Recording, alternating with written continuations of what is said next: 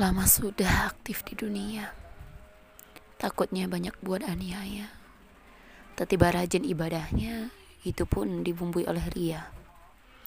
Fasilitas lengkap telah tersedia dari dia yang maha kuasa.